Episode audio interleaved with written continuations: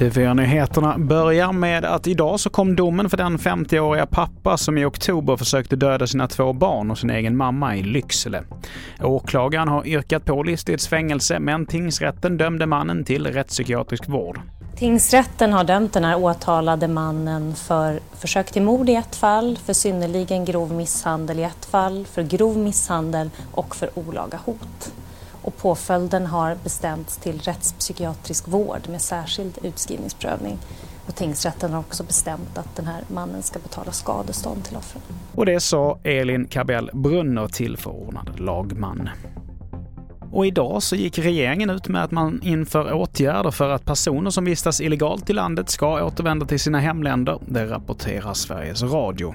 Dels får polisen från och med nästa år i uppdrag att söka upp personer och dels så vill man använda svenskt bistånd för att påverka mottagandet av personer som avvisas. Och till sist, inte sedan 1991 så har det sålt så mycket vinylskivor i Storbritannien som det gjort i år. Det rapporterar BBC. Över 5 miljoner sålda skivor totalt och bäst sålde Abbas nya skiva Voyage. Fler nyheter hittar du på tv4.se. Jag heter Mattias Nordgren.